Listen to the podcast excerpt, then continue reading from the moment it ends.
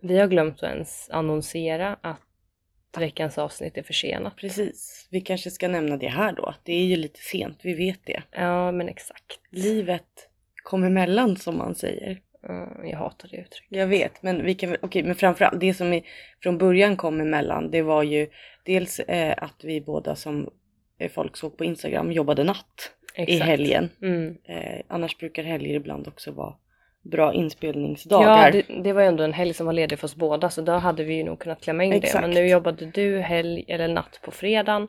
Jag jobbade natt på lördagen. Eh, och sen sov jag. Sen sov du och sen så har det varit lite mycket veckan innan. Ja, vi har haft några veckor här av, eh, vi har haft covid på Ja, avdelningen. precis. eh, med allt vad det innebär. Annars, vi har ju faktiskt lyckats klara oss hela pandemin igenom utan att ha covid-utbrott på våran avdelning. Och nu så fick vi två stycken under, lopp, alltså under samma vecka. Precis, så att det var ett gediget eh, smittspårning. Ja, fan! smittspårningsarbete. Har man det stuckit var- pinnar i näsan på flertal kollegor. Eh, Många patienter Många patienter och eh, det, var, det var mycket rodd i Mm, det. Väldigt mycket rodd.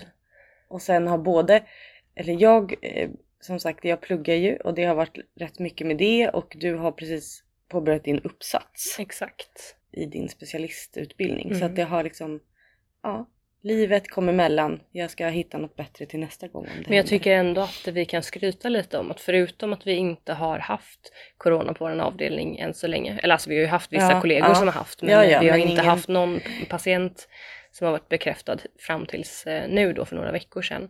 Och nu när vi väl hade det eh, så blev det inte fler än två patienter Nej. och det är ingen av personalen heller som har varit positiv Nej, alltså, efteråt. Det tycker jag ändå, det måste vi ändå klappa oss själva på axeln att, att vi gjorde det så bra. Mm. Eh, därför att vi, vi har ju också ett exempel där, det var inte vi, det var en annan avdelning Mm. där eh, typ hela personalgruppen blev Ja, det är ju sjuk och alla patienter. Ja.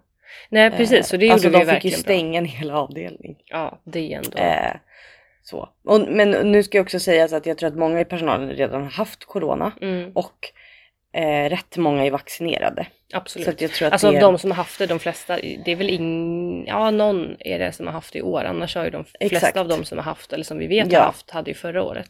Och att vi ändå har börjat, vi har ju mera, alltså när, när corona kom så hade vi ju, ja vi har haft besöksförbud hela tiden och så, men vi hade ju inga, alltså och skyddsutrustning när vi skulle testa patienter eller gå in, om vi nu, nu har inte vi haft, men när det var bekräftade fall Mm. skulle man ta på sig skyddsutrustning och så. Mm. Men idag har ju vi eh, visir och munskydd hela tiden på jobbet.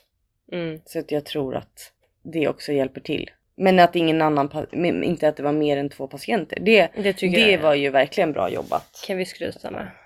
Okej, men ehm, ja, har du något kul att berätta från di- dina studier? Ja, för det var ju det också att en hel vecka gick ju bort i att eh, du, när du, eh, alltså jag, vi är ju studielediga lika mycket, men mitt upplägg är att jag är studieledig en dag i Ja, veckan, precis. medan du har en hel vecka. Ja, var femte vecka. Exakt. Är, och då är det liksom inte som man tänker så här, ah, det är några föreläsningar, utan Mm. Vi har på riktigt alltså från nio till fyra varje dag. Hon gick under jord. Ja, plus att efter det, eftersom då alla är överambitiösa, nej men alltså så är det ju. Jo, det är de. Eh, då, då sitter man liksom i sin lilla lärgrupp typ varje dag efteråt Mm. och diskuterar saker och gör saker som också sen ska vara klara till dagen efter. Men du vet, det är så här, ja, de har verkligen klämt in allt på fem dagar. Så Mm. man tänker att, jag tänker att upplägget kanske hade blivit bättre om man hade haft typ två dagar varannan vecka istället. Mm. För då hade man hunnit, ja men typ som då, du skulle vilja läsa en hel bok från en dag till en annan. Mm. Vem gör det? Nej, alltså ingen gör det. Antingen så är man ju som sagt överambitiös. Eller då har man ju redan gjort det, Ja, tänker jag. ja Alltså utan att veta typ att man ska läsa. Tänker Mm. så här, det står i kurslitteraturen så Ja. den kanske vi borde läsa. Exakt. Och nu visste jag ändå lite mer för det, var det här är andra kursen jag går. Men eh, Inte typ som jag då som insåg Jag och Nej, min skrivpartner då, vi insåg dagen innan eh, Nej förlåt, två dagar innan vårt första handledningsseminarium så, så Ja, så tänkte vi att vi kanske ska kolla, är det något man förväntas ha förberett till det här handledningsseminariet? Och det var det ju. Man skulle till och med ka- skicka in ett utkast och vi hade nätt och jämnt bestämt ämne. Så vi fick ju sitta där och improvisera på handledningsträffen. Men det gick bra. Ja. Läraren var nöjd med vårt val av Ja. ämne. Och eh, sådär. Sen så insåg jag också att eh, till nästa handledningsträff så ska man ha skrivit en bit av metoden. Och jag Mm. bara oj, ska man kanske ha metodböcker? Och de fanns ju inte att låna någonstans i Stockholm. Så då skulle jag köpa dem. Just det, jag insåg att jag skulle skriva till dem jag skulle köpa eventuellt böcker av. Jag bara, jag återkommer imorgon, har inte återkommit till någon. Men jag hittade ju en metod. Ja, jag vet, det- men då släppte jag det. Men jag lovade ju återkomma Jaha, jag ja, gjorde du inte det. menar så att du skulle ha återkommit ändå. Okej. Ja. Men jag gick i alla fall till biblioteket och rafsade ihop några andra böcker. Så att jag var väldigt ambitiös när jag jobbade natt och satt och skrev en stor bit av bakgrunden. Det var bra jobbat tycker jag. Exakt. Så att nu är jag on track. Det är inget jag brukar vara i studier. Jag är en från vaggan till graven en sista sekunden tjej Det är jag också. Jag kommer nog alltid att vara det. Men jag jobbar också som bäst under press. under press och när jag har lite för mycket att göra. Mm, men det är ju exakt som med podden. Ja, ja. Ja. Nu har vi ju igen suttit här och snackat skit i några timmar och nu när vi insåg att eh, oj, vi har en timme kvar tills vi måste ha wrappat ihop det här avsnittet. Nu så, ja, nu är det igång och vi kommer sätta vår deadline. Det, absolut. Men jag tänker att det är det som gör att det funkar så bra. För Ja. att vi funkar likadant. Ja, det är ju ändå Eh, väldigt alltså, vi tur. har vi är ändå rappa båda två när det väl gäller. Mm, precis. Eh, Så det är ändå bra. jag tror inte att folk tror det om oss. Nej, jag tror inte heller det. Alltså så här att man, man Eller vilka tänker, folk? Nej men jag menar, ja, jag tänker mer så här, ja men framförallt typ kollegor eller folk man kanske har jobbat lite ihop med som, som ser en när man väl jobbar. Mm. Jag tror att de har svårt att sätta sig in i att jag är en sån som prokrastinerar saker. För att jag tror att jag ibland upplevs som att jag liksom, jag gör saker i en och samma Mm. takt medan jag gör saker sam, allt samtidigt. Mm, huller om buller. Ja, och ibland resulterar det i, det har jag ju lärt mig att så här, jag kan inte längre bara ta att så här, någon säger så här, jag vill ha semester det, det datumet och jag bara absolut. Eh, Utan jag brukar så här, jag behöver ett mail så att jag kommer komma ihåg det där. För Något jag har, att återkomma till. Exakt, för annars har jag, det varit så att jag har missat sådana detaljer. Mm. Jag löser alltid det också. Men man lever och man lär, Exakt. tänker jag. Ja. Idag har vi för övrigt haft avtackning för en väldigt ja, kär kollega. verkligen. Det var faktiskt sorgligt. Det var verkligen sorgligt. Det var, det var verkligen med tungt hjärta Mm. som jag överlämnade vår fina present och Ja, alltså vi eh, skulle ju köpa avtackningspresent här i förrgår.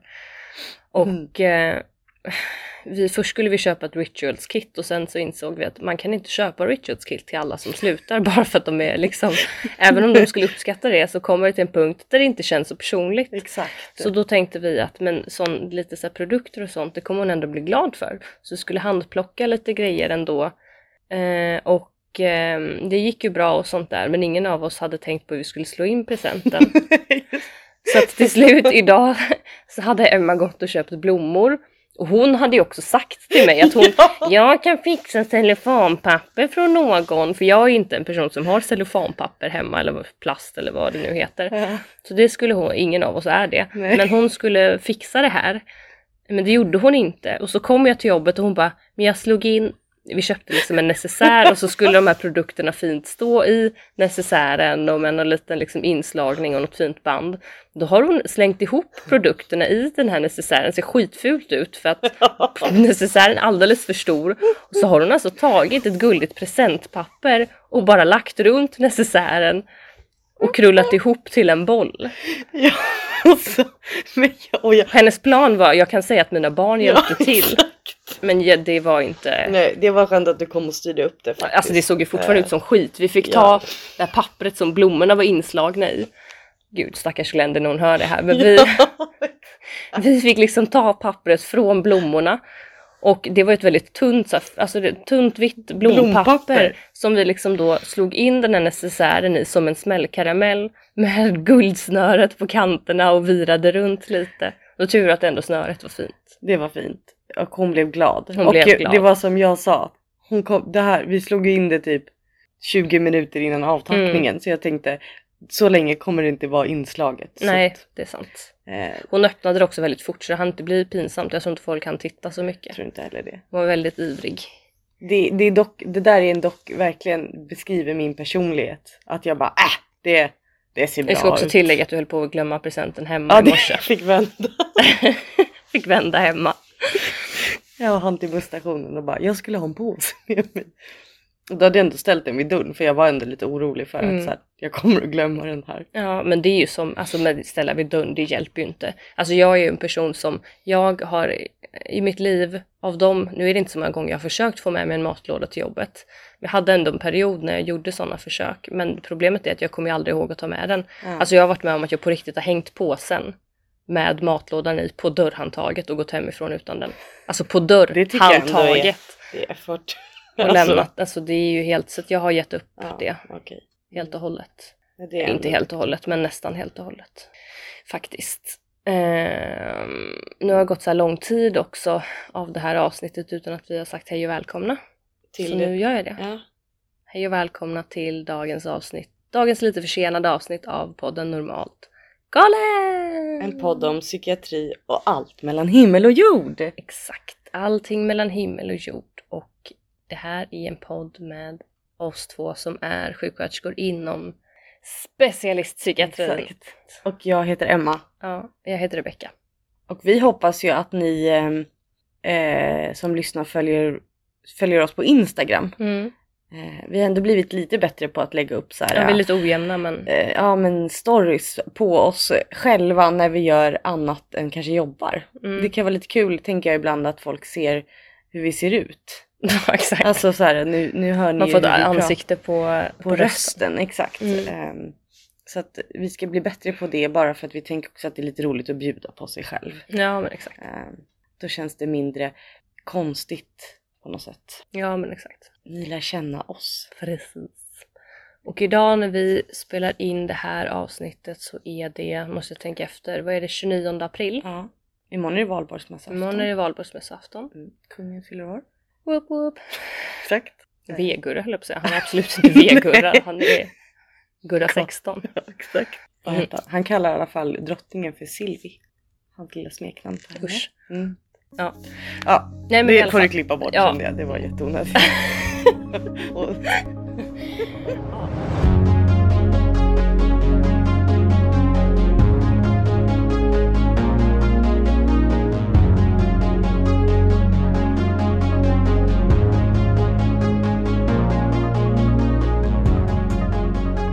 Det eh, nu ska vi bli lite mer seriösa Ja. för vi ska ändå prata, vi pratar ju alltid om allvarliga ämnen men eh, Det känns som ändå som ett rätt... Eh, dels är det ju ett ämne som är i ropet så att ja säga. alltså det här är ju ett ämne som alltid är aktuellt, tyvärr. Ja, Men det är inte alltid på agendan för den allmänna diskussionen och uppmärksammas i media och så. Och det vi pratar om då är ju eh, kvinnovåld. Eller mäns våld mot kvinnor närmare Mm, bestämt. precis. Inte kvinnovåld. Mäns våld mot kvinnor. Ehm, ja, Det har ju varit extra uppmärksammat den senaste tiden eftersom som alla med säkerhet känner till att det har varit fem mord. Eh, fem kvinnor som har blivit mördade under loppet av en väldigt, väldigt kort tid exakt. eh, av män.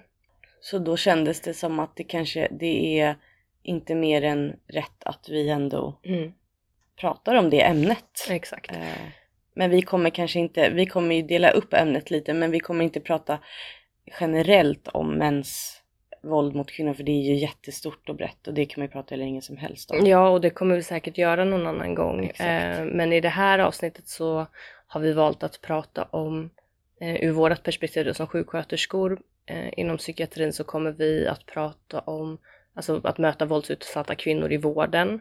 Eh, dels lite saker att tänka på som vårdpersonal, men också saker som kanske kan vara bra att höra för kvinnor som söker Mm. vård och är utsatta för våld. Ehm, och sen kommer vi också prata om kvinnor som lever med skyddade personuppgifter. Alltså gömda kvinnor som det också har pratats en del om i media det senaste. Eh, och eh, då också där då inom vården och lite Vad man ska tänka på som vårdpersonal precis. och hur vi förhåller oss till eh, när vi får patienter som har skyddade personuppgifter. Mm, För det är lite exakt. annorlunda än när man har en patient av något annat slag tänkte jag säga, men som inte har det. Ja, exakt. Det är lite andra saker att tänka på. Ehm, så det, det är det dagens avsnitt kommer att handla Ja, om. precis. Och eh, jag tänker att vi börjar att prata helt enkelt eh, lite grann om det här med att möta våldsutsatta kvinnor i vården. Och jag vill börja med att säga då att jag tänker inte dra någon, i, inte alla män här, men däremot så tänker jag dra, eh, bara liksom nämna att självklart så utsätts även män av våld Ja, eh, ifrån kvinnor. såklart. Men det är det är inte ett samhällsproblem i, som går att jämföra med mäns våld mot Nej. kvinnor. Eh, men det, det vi kommer prata om nu är helt enkelt kvinnor som utsätts för våld i någon form och då är det ju helt enkelt i de allra, allra, allra flesta fallen i relationer. i Eller- relationer eller överlag en, av en man. Ja, ja, ja, precis. Men också att det de har en relation av något slag, tänker jag. Det behöver ju inte vara kärleksrelation, det kan ju vara familj, alltså släkt Ja men precis. och så. Vi kanske kan börja i den änden med ehm, hur vi bara liksom bemöter eller väcker frågan. Mm, ehm, det tycker jag. kring om en patient i det här fallet och kvinna blir utsatt för våld eller har blivit utsatt för våld, antingen psykiskt, fysiskt eller sexuellt.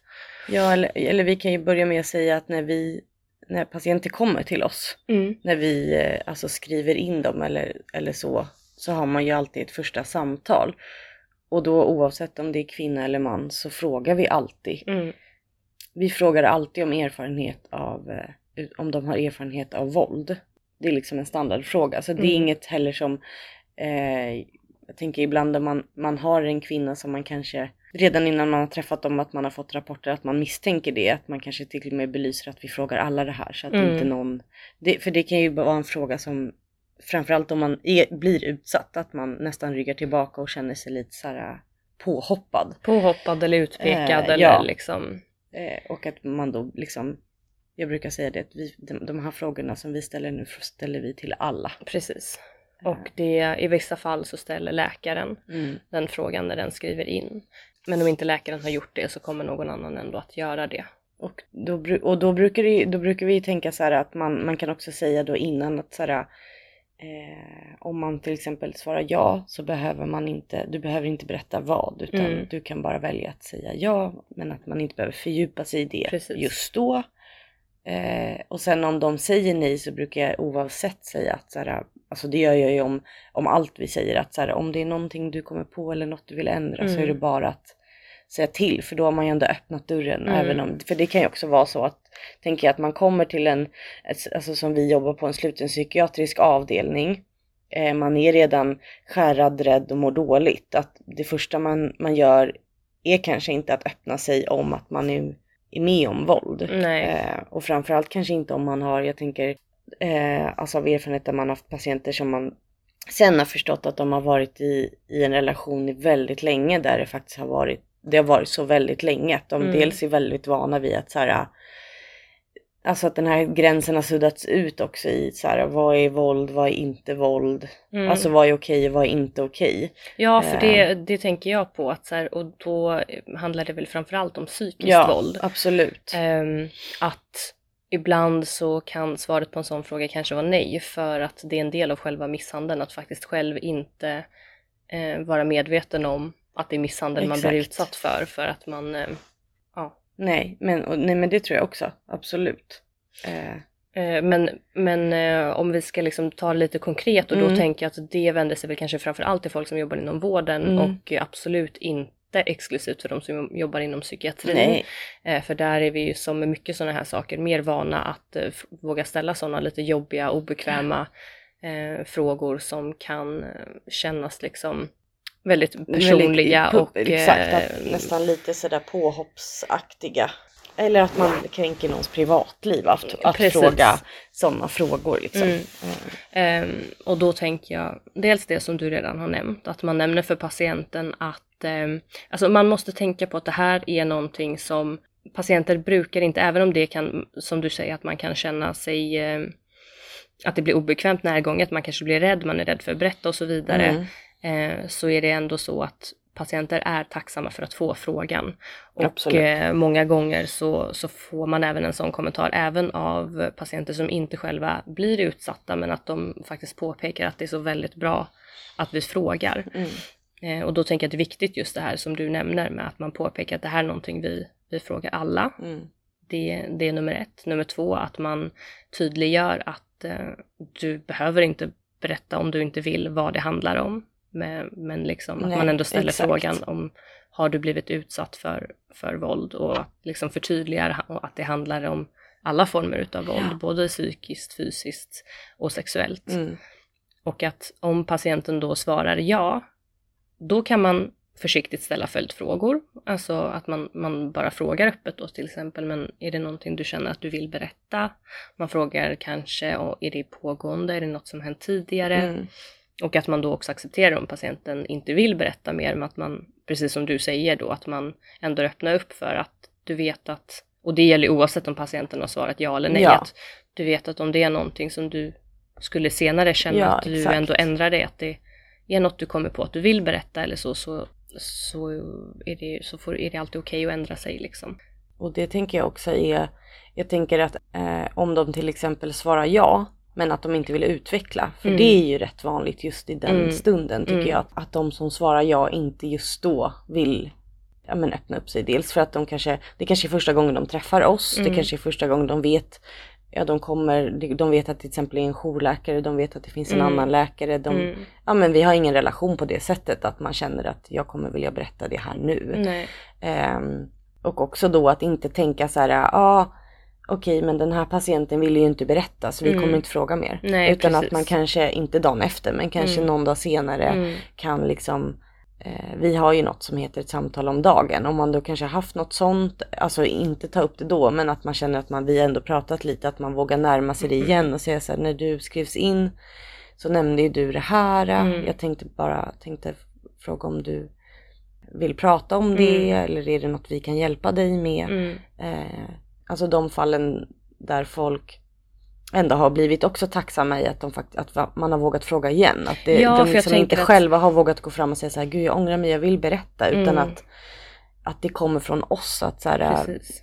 du, har, du har ju nämnt det här men eh, vad, och det handlar ju om allt möjligt men just när det gäller liksom våld. Och att man då också kan för det har vi ju pratat om på våran, alltså på våran avdelning överlag. Det här med att, eh, att man ska, journalföring. Är Mm. att det finns ju något i vårt system som heter, nu kommer jag inte ihåg exakt. Vad, Det finns är ett sökord i vårt journalsystem som vi eh, använder som heter uppgifter som kräver Ja, särskild menprövning. Eh, och det är ju någonting som man kan berätta för patienten då att om när de nu väl har, Ja. om, om de har valt att dela med sig Mm. om sina erfarenheter och framförallt då kanske om det är ett pågående våld. Att man berättar för patienten att, eh, att man kommer att journalföra detta. Men att man eh, kan göra det på, under det här sökordet. För det som är skillnad på att journalföra på eh, sökordet som heter uppgifter för, som kräver särskild menprövning är att det sökordet kommer aldrig synas eh, när man läser sin egen journal på nätet. Nej. Jag kom på för övrigt att Ja. det tror jag för övrigt gäller själva våldssökordet också. Jag är lite osäker på Ah, det så jag ja. chansar Ah, inte. nej. Men nu när jag väl tänker på Mm. när vi väl införde journal, alltså att patienter kan läsa sin egen journal på Ah, nätet. okej. Så jag för mig Ah, att det, jag är- att det är det på, sökordet så, ah, också är okej. undantaget. Men jag är inte helt säker så att vill man inte chansa då så uppgifter som kräver särskild menprövning, det du journalför där kommer du inte kunna läsa i din egen journal på nätet vilket innebär att det är ju inte ovanligt för en kvinna som lever i en våldsam relation och man har varit eh, på sjukhus och det behöver inte gälla psykiatrin såklart Nej. utan oavsett var att, att mannen då sedan kräver Kräver. att få läsa för att eh, av rädsla att kvinnan ska ha berättat Exakt, om våldet precis. för vårdpersonalen. Då kommer han aldrig kunna läsa det här i din journal om han tvingar sig till att, att få se Nej. dina journalanteckningar. Han kommer aldrig kunna se vad du har berättat där. Och det, det är jätteviktigt Det tänker jag är till. jätteviktigt. Alltså, och, och kanske framförallt, eller men också som sagt som vi säger, inte bara att man, de, vi som jobbar i psykiatrin men överallt. Mm. För att det kan ju vara att man träffar patienter på en akutmottagning, man har Mm. inte den tiden. Nej. Det är inte deras uppgift för de har inte den, de resurserna att sitta så länge och prata. Men Nej. om man nu ändå får den, att man ändå kan eh, dokumentera under det sökordet Mm. för att veta att så här, då har jag ändå gjort det, eh, det jag kunde i Exakt. den stunden liksom. Mm. Eh, och det tycker jag ändå att, alltså överlag att patienter som jag tänker att det blir en lättnad att så här, då kanske de vågar, vågar Mm. berätta mer Mm. om man faktiskt nämner det än att eh, många är nog rädda för att det jag säger nu kommer sen jag få skit för när jag kommer hem. Precis. Eh, så. Jag vill bara gå tillbaka till det du nämnde mm, för en liten stund sedan med det här med att våga återkomma till Mm. ämnet eh, när det har gått lite längre in på vårdtiden och man kanske har fått en, en eh, lite mer kontakt och sådär och att patienten vågar öppna sig.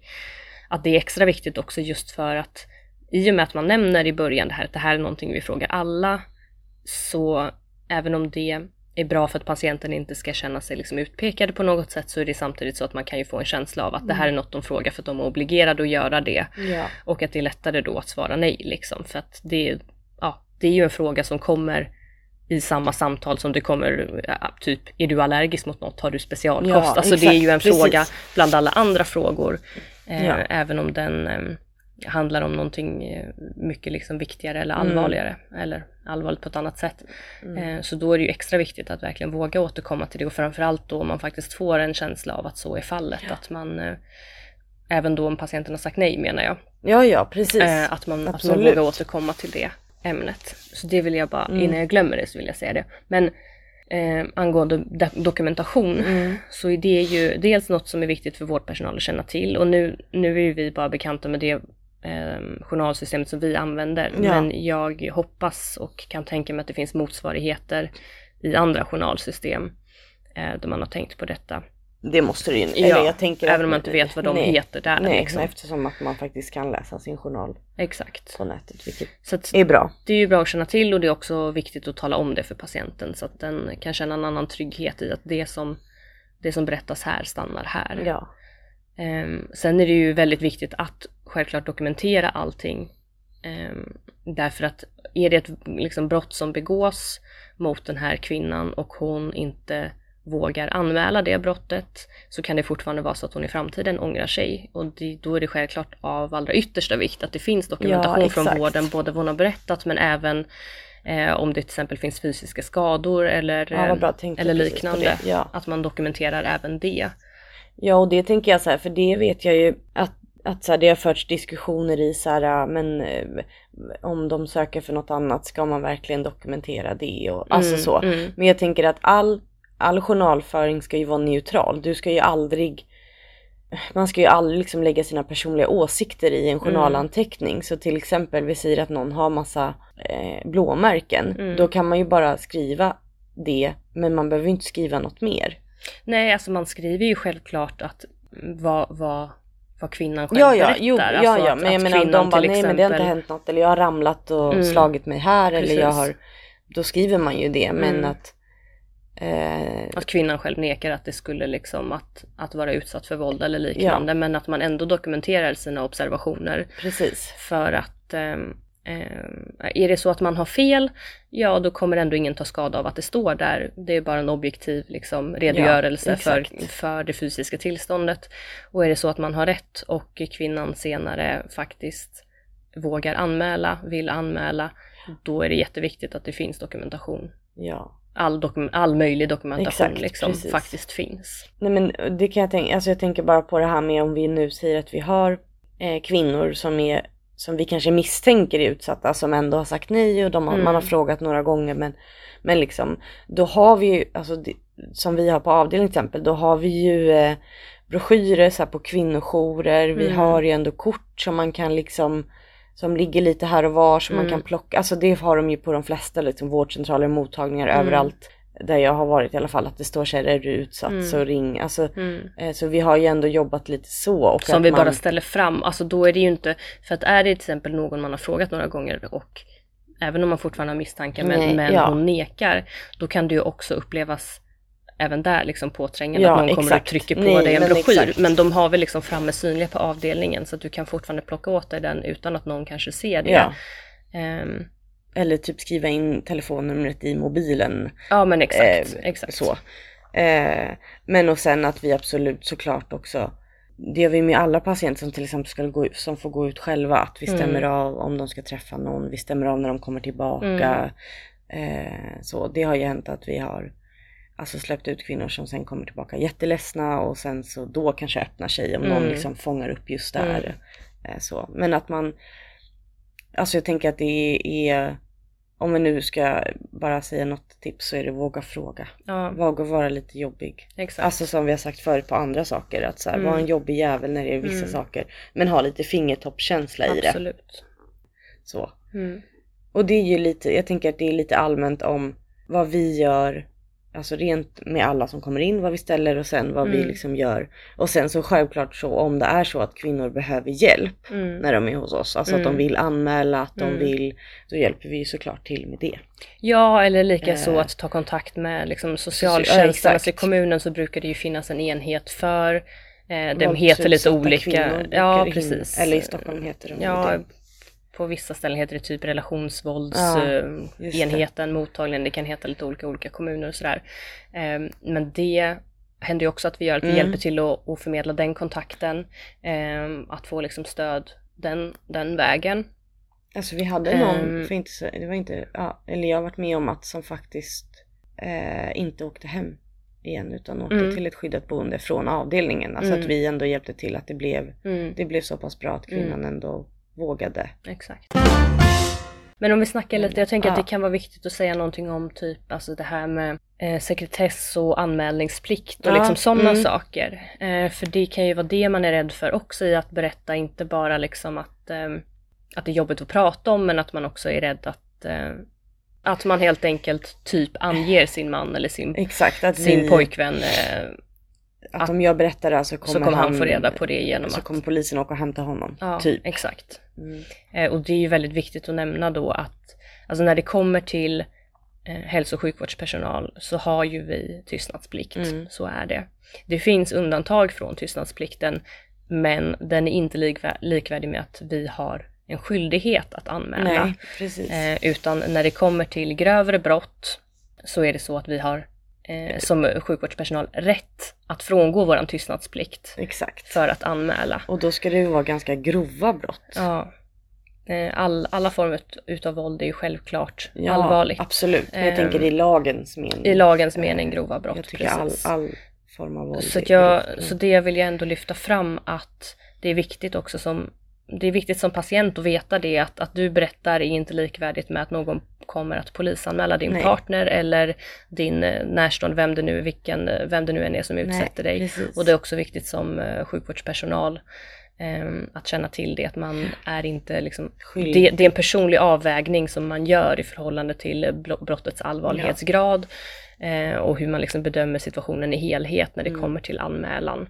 Ehm, och det ska ändå, är ändå, och jag tycker ändå att det är bra Mm. eh, att tystnadsplikten och liksom sekretesslagstiftningen väger, så pass tungt, tungt. att det ska kunna vara en fristad att komma till vården och Ja. berätta och att man ska kunna känna den Exakt, tryggheten. jag Och att man kan erbjuda patienten hjälp att anmäla och så vidare men att det inte är så att patienter känner att det är likvärdigt i att, eh, att det här kommer liksom upprättas en polisanmälan för att jag berättar om det här utan att det är, vi hoppas ju på att det är ett första steg till att eh, självklart att han ska bli Ja, polisanmäld ja, och ja, få sitt såklart. straff. Eh, men, eh, men att det i första hand snarare handlar om att vi erbjuder oss att, om inte, alltså att självklart att hjälpa till och polisanmäla om, Ja, ja, om kvinnan hon- vågar och vill. Ja, Men annars att förmedla andra kontakter där hon kan få vidare Stöd. stöd, efter vårdtiden. Liksom. Ehm, och så. det är ju faktiskt viktigt att, eh, att punktera. Om vi då går in på att vi säger att vi får in en kvinna som faktiskt har, så är det ju, om man får skyddade personuppgifter, Mm. då har man ju eh, lämnat en En våldsam relation av något slag. Av något slag. Så Mm. då, och då har man ju gjort liksom den vändan med socialtjänsten och Mm. man har fått den hjälpen. Mm. Eh, så. Och det är ju ändå inte jätteovanligt att vi Nej. har någon patient inlagd som har skyddade personuppgifter. Ja. Jag försöker faktiskt tänka om jag under mina år inom psykiatrin har träffat en man med skyddade personuppgifter. Det har jag, men då har det, det har jag gjort. Ja. Inte lika många, men några stycken. Det är en jag kommer att tänka på som jag Men blir då- osäker på om han hade det eller inte. Men då Men i så det fall, det är en jag kommer att tänka på som jag är tveksam över. Men jag kan komma på, bara nu så här på, på, på rak arm, Ja. så kan jag komma på säkert, jag vet inte hur, många- hur många som helst. Nej, exakt.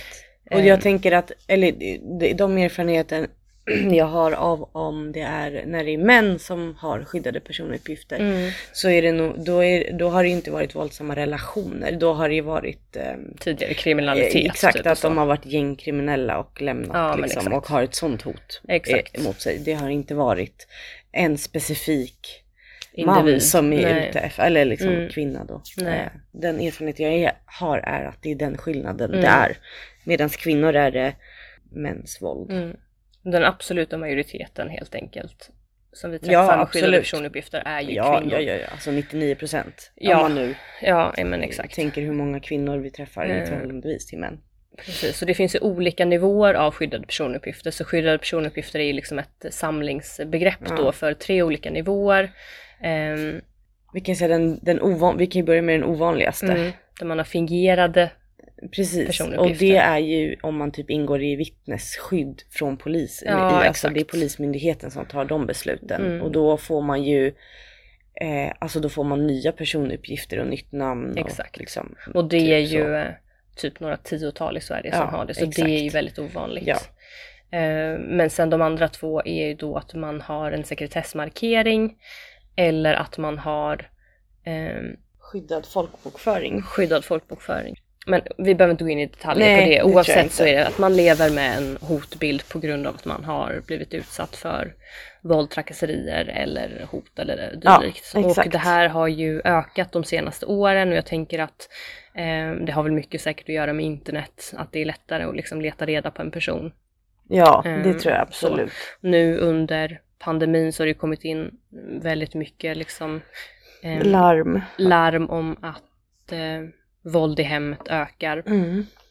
Så jag tänker att det blir en ännu större ökning av skyddade personuppgifter kanske. Ja, Alltså men folk- samtidigt så är det ju den här debatten om att det är, nu kanske vi inte ska gå in på djup, för djupt på det, men det är ju samhället brister ju i att Ja, skydda absolut. kvinnorna redan från början Ja, ja. och det är ju det som blir det problematiska i det här att kvinnor le- tvingas leva Skyddade, gömda och ja. skyddade medan männen går nästintill strafffria om ens det, alltså även om du Ja, har ja, typ ja. kontaktförbud och överträder det här kontaktförbudet så händer det inte Nej. ett skit. Nej, alltså det är ju sorgligt att, de Ehm, ska, att det ska behöva gå på det sättet att, att kvinnor ska behöva leva gömda. Ja, exakt. Eh. Så att det är ju egentligen, och det är ju en större diskussion om Ja, vad som, vad, på vilket sätt som vi ska arbeta kring att eh, kvinnor inte ska behöva leva gömda som att det är de som, det är de som ska bli liksom dömda till Ja, ett straff Exakt. och inte kunna leva ett normalt liv. För att du kan ju inte leva som vilken person som helst när du nej, lever med skyddade nej, alltså personuppgifter. det, är ju, det är ju jätte, alltså Ehm. mycket som faktiskt eh, ja. blir mycket mer komplicerat. Mm, ja, alltså Eh, bara, vi rent tänker, praktiskt. Rent praktiskt men också vi tänker bara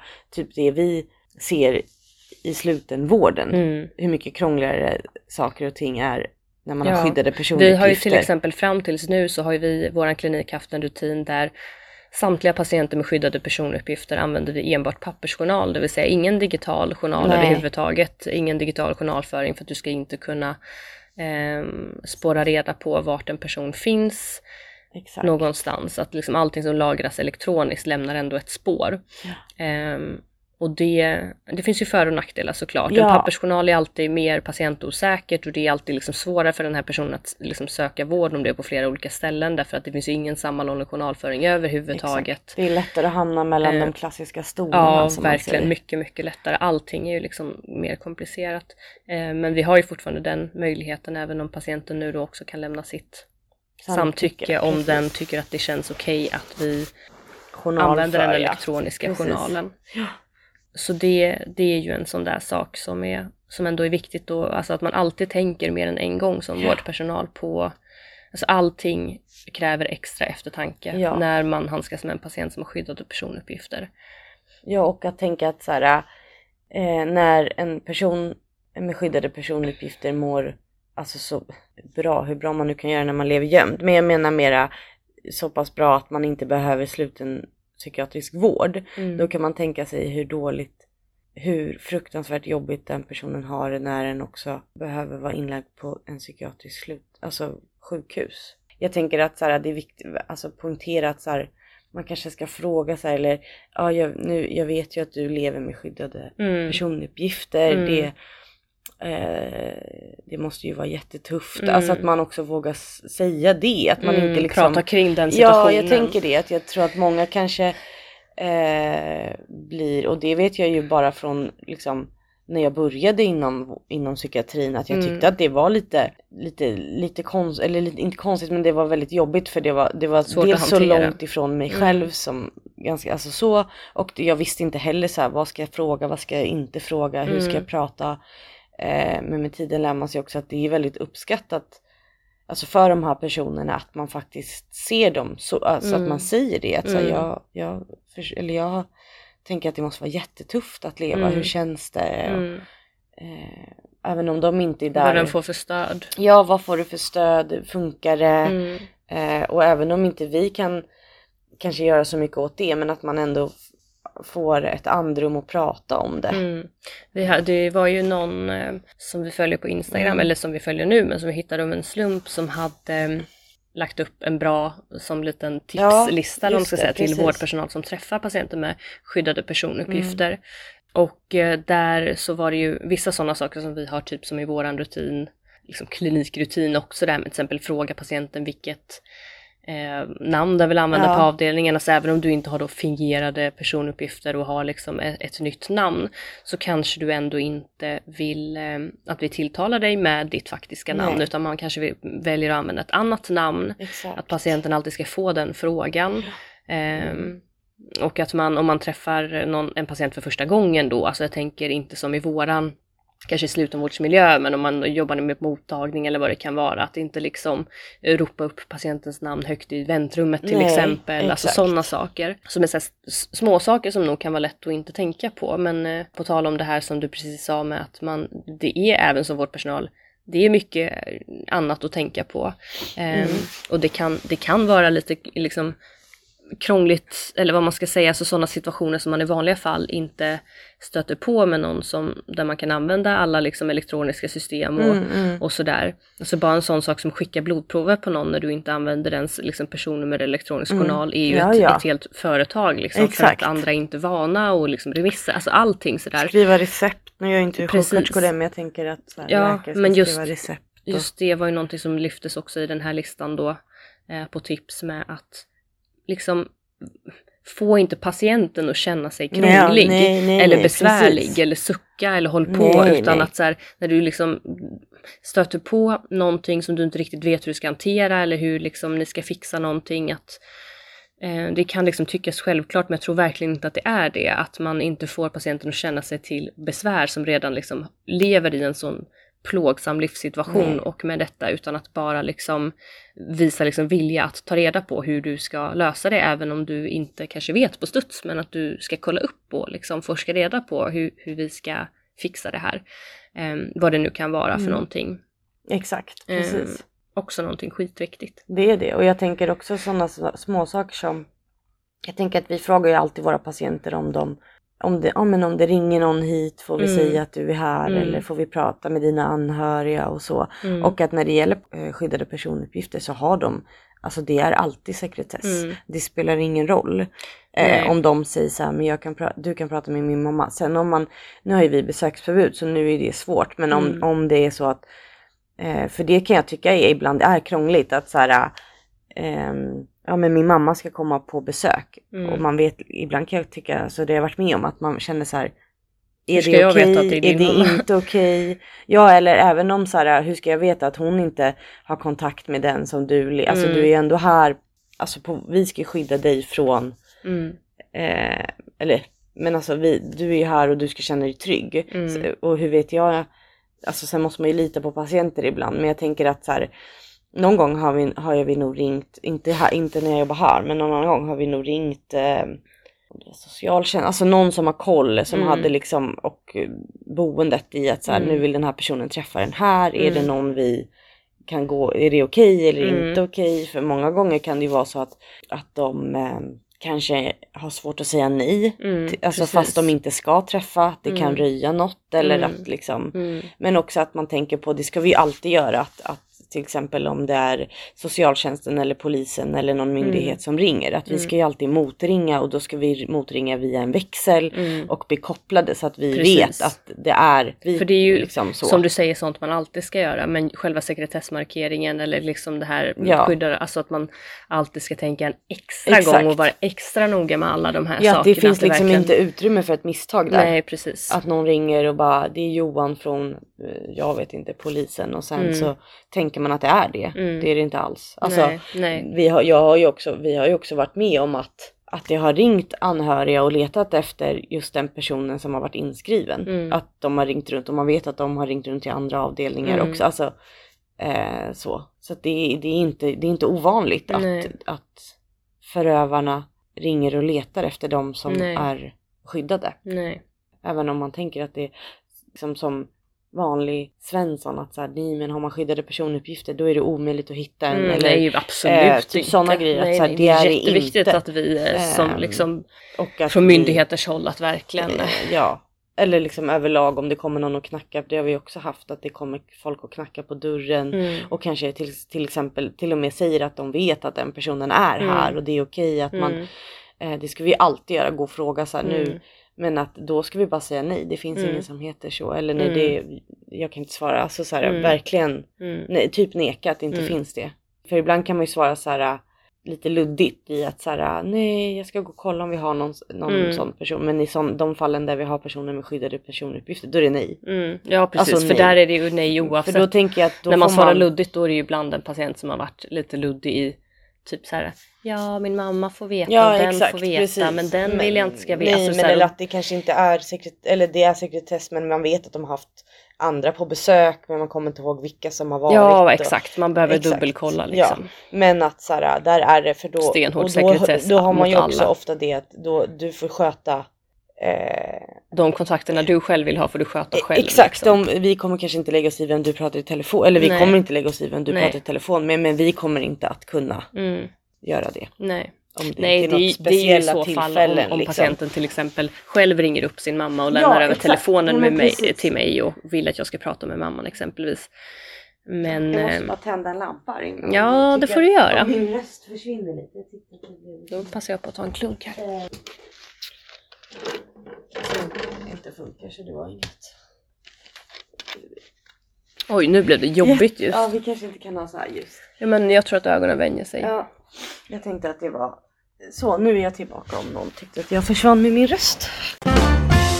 Men jag tänker att det var väl lite det vi hade tänkt att ta upp. Mm, ja, Eh. lite kort, lite kort och gott ändå. Ja, alltså det finns ju såklart som vi eh, hur mycket mer som helst att prata om det här. Mm. Men jag tänker att just det här avsnittet tänkte vi nog Det kändes ändå lite så. viktigt eh, när det blev så på tapeten nu. Det här är Verkligen. ju alltid aktuellt men liksom eh, att ändå slänga in ett avsnitt det om det här. jag. Absolut.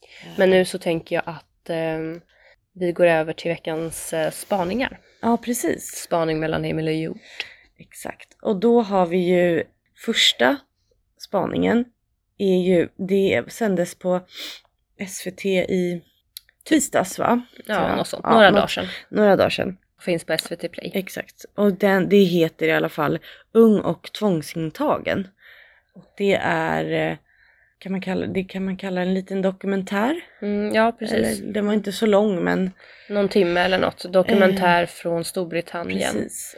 Hon har gjort, gud det borde jag ju komma ihåg vad hon hette men nu kommer jag inte ihåg det. Men hon har gjort andra Absolut, ja. eh, också mm, dokumentärer. Eh, och där hon då får följa med på olika psykiatriska vårdinrättningar där man eh, eh, där hon träffar patienter som är tvångsintagna. Mm, precis, man får se både någon form av liksom akutintag eh, men också träffa patienter som har liksom vårdats längre tid.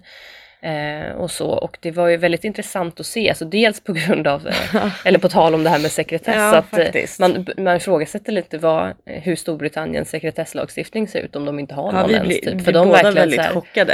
Alltså jag har ju sett andra liknande innan, jag vet att den tanken har slagit mig Ja. förut också, men nu blev det ju det igen, att liksom de är ju inne och filmar. Ja, det var ju någon där som de hade liksom suddat ansiktet på som var berusad och Ja, liksom precis. eh, Men det var, de pratar ju ändå rätt mycket om honom Ja precis, de Alltså- pratade, även om man inte kunde se vem han var så pratade de mm, ju om exakt. honom och det var även andra som var med på kamera som liksom hon intervjuar och pratar med. Eh, och även efteråt då, det var liksom någon kille där som hon pratade med och sen som en stund senare då hade varit tvungen att liksom isoleras och så vidare för att han hade blivit våldsam och till och med slagit personal och Just det, sådär. Och då sitter de liksom och pratar om honom efteråt och är väldigt Ja. sådär, det är någon kille som är som hon sitter liksom med inne när de bedömer honom och den här liksom reportern eller journalisten eller vad hon nu är, dokumentärfilmerskan, Mm, ja. sitter liksom bredvid och frågar om eh, liksom, Ställer Is he frågor. psychotic? Ah, ja, Men men han det, liksom sitter i rummet, jätte, Ja, väldigt främmande ur ett svenskt perspektiv. verkligen, verkligen. Men det var ändå intressant att se. Mm. Och Eh, ur ett psykiatrisjuksköterskeperspektiv också väldigt intressant att se hur, vilka enormt stora befogenheter Verkligen. psykiatrisjuksköterskorna Mm. i England har, eller i Storbritannien. Ja, det tycker jag Väldigt, eh, eh, vi borde ta lärdom av. det var inte många läkare man såg Nej, där. mycket bedömningar och sånt som Mm. Stort ansvar gjorde. liksom. de... Mm. Eh, så det var intressant att se. Men som jag berättade för dig igår också så hörde jag i någon annan podd någon eh, som hade pluggat till sjuksköterska i, i Storbritannien det. och hon Mm, berättade ju det att där är ju utbildningen tre år precis som i Sverige men att det bara är första året som de läser liksom alla gemensamt och sen redan från år två så väljer man inriktning då. Alltså antingen psykiatri, jag tror att det var antingen psykiatri, barn eller liksom Ah, allmän. okej. Vilket innebär då att om du har läst till psykiatrisjuksköterska så läser du ju två år med inriktning psykiatri, alltså redan i grundutbildningen då. Dock får du sen då bara jobba med psykiatri Ja. om du inte kompletterar och läser vidare. Det kanske ändå är ja. Ja, kanske är intressant. Men det var, den är tips att se i alla fall. Ja, alltså, även om det är jag väldigt absolut. annorlunda från Sverige så är det ju en del som är gemensamt och det är alltid intressant att se eh, skildringar från andra länder. Ja, det tycker jag absolut. Men jag, så jag tycker att ni ska, den tycker jag är värd att se. Mm, finns på SVT Play som sagt, Ung och tvångsintagen. Mm. Spaning nummer två Mm. Är en miniserie på P1 Dokumentär. Ja, är det väl? P1 Dokumentär är det. Som heter, ja den, de heter ju olika, det är tre avsnitt. Ja, precis. Men Eh. så serien heter typ Eh, Ätstört internet. Ja, precis. Och handlar då om, jag har faktiskt inte själv hunnit lyssna klart på sista delen. Men, eh, Men i det stora delen. hela så handlar det ju om tjejer som har, som har eller har haft ätstörningsproblematik och hur sociala medier har påverkat dem eller påverkar dem Mm, eh, under sin sjukdom. mm, Eh, och lite hur eh, vården kanske halkar efter i, eller halkar efter, men i att så här, eh, man inte har den beredskapen och inte har förstått hur stor påverkan det har haft. Nu Ja. tror jag att man börjar absolut bli bättre på det. mm, Men- däremot så är det ju fortfarande kanske svårigheter i att veta hur man ska hantera det. Exakt. Att, ja, men till exempel att under eh, i tvångslagen att frånta någon test telefon är väldigt, väldigt, väldigt, väldigt svårt Mm, eh, jämfört med kanske andra saker. andra tvångsåtgärder. Exakt. Men den är också värd att lyssna på. Och för övrigt P1 eh, dokumentärer har väldigt bra, tycker jag är väldigt bra små Mm. miniserier överlag med Mm. mycket sånt. Mm. Eh, om psykiatri eller om samhället i stort Mm. och så. Så det är tips. Ja. P1 dokumentär. Det är bara att googla på nätet, det gjorde jag. Duktigt Emma. Yes. Då ska jag ändå tilläggas att hon kallade in mig på sitt kontor idag för att hon ville ha hjälp att bifoga en länk i ett mail. Så att, Ja att hon klarar att googla saker är inte en självklarhet. Jag känner mig gammal. Ja, Men det var allt för detta. exakt. Det var allt för detta.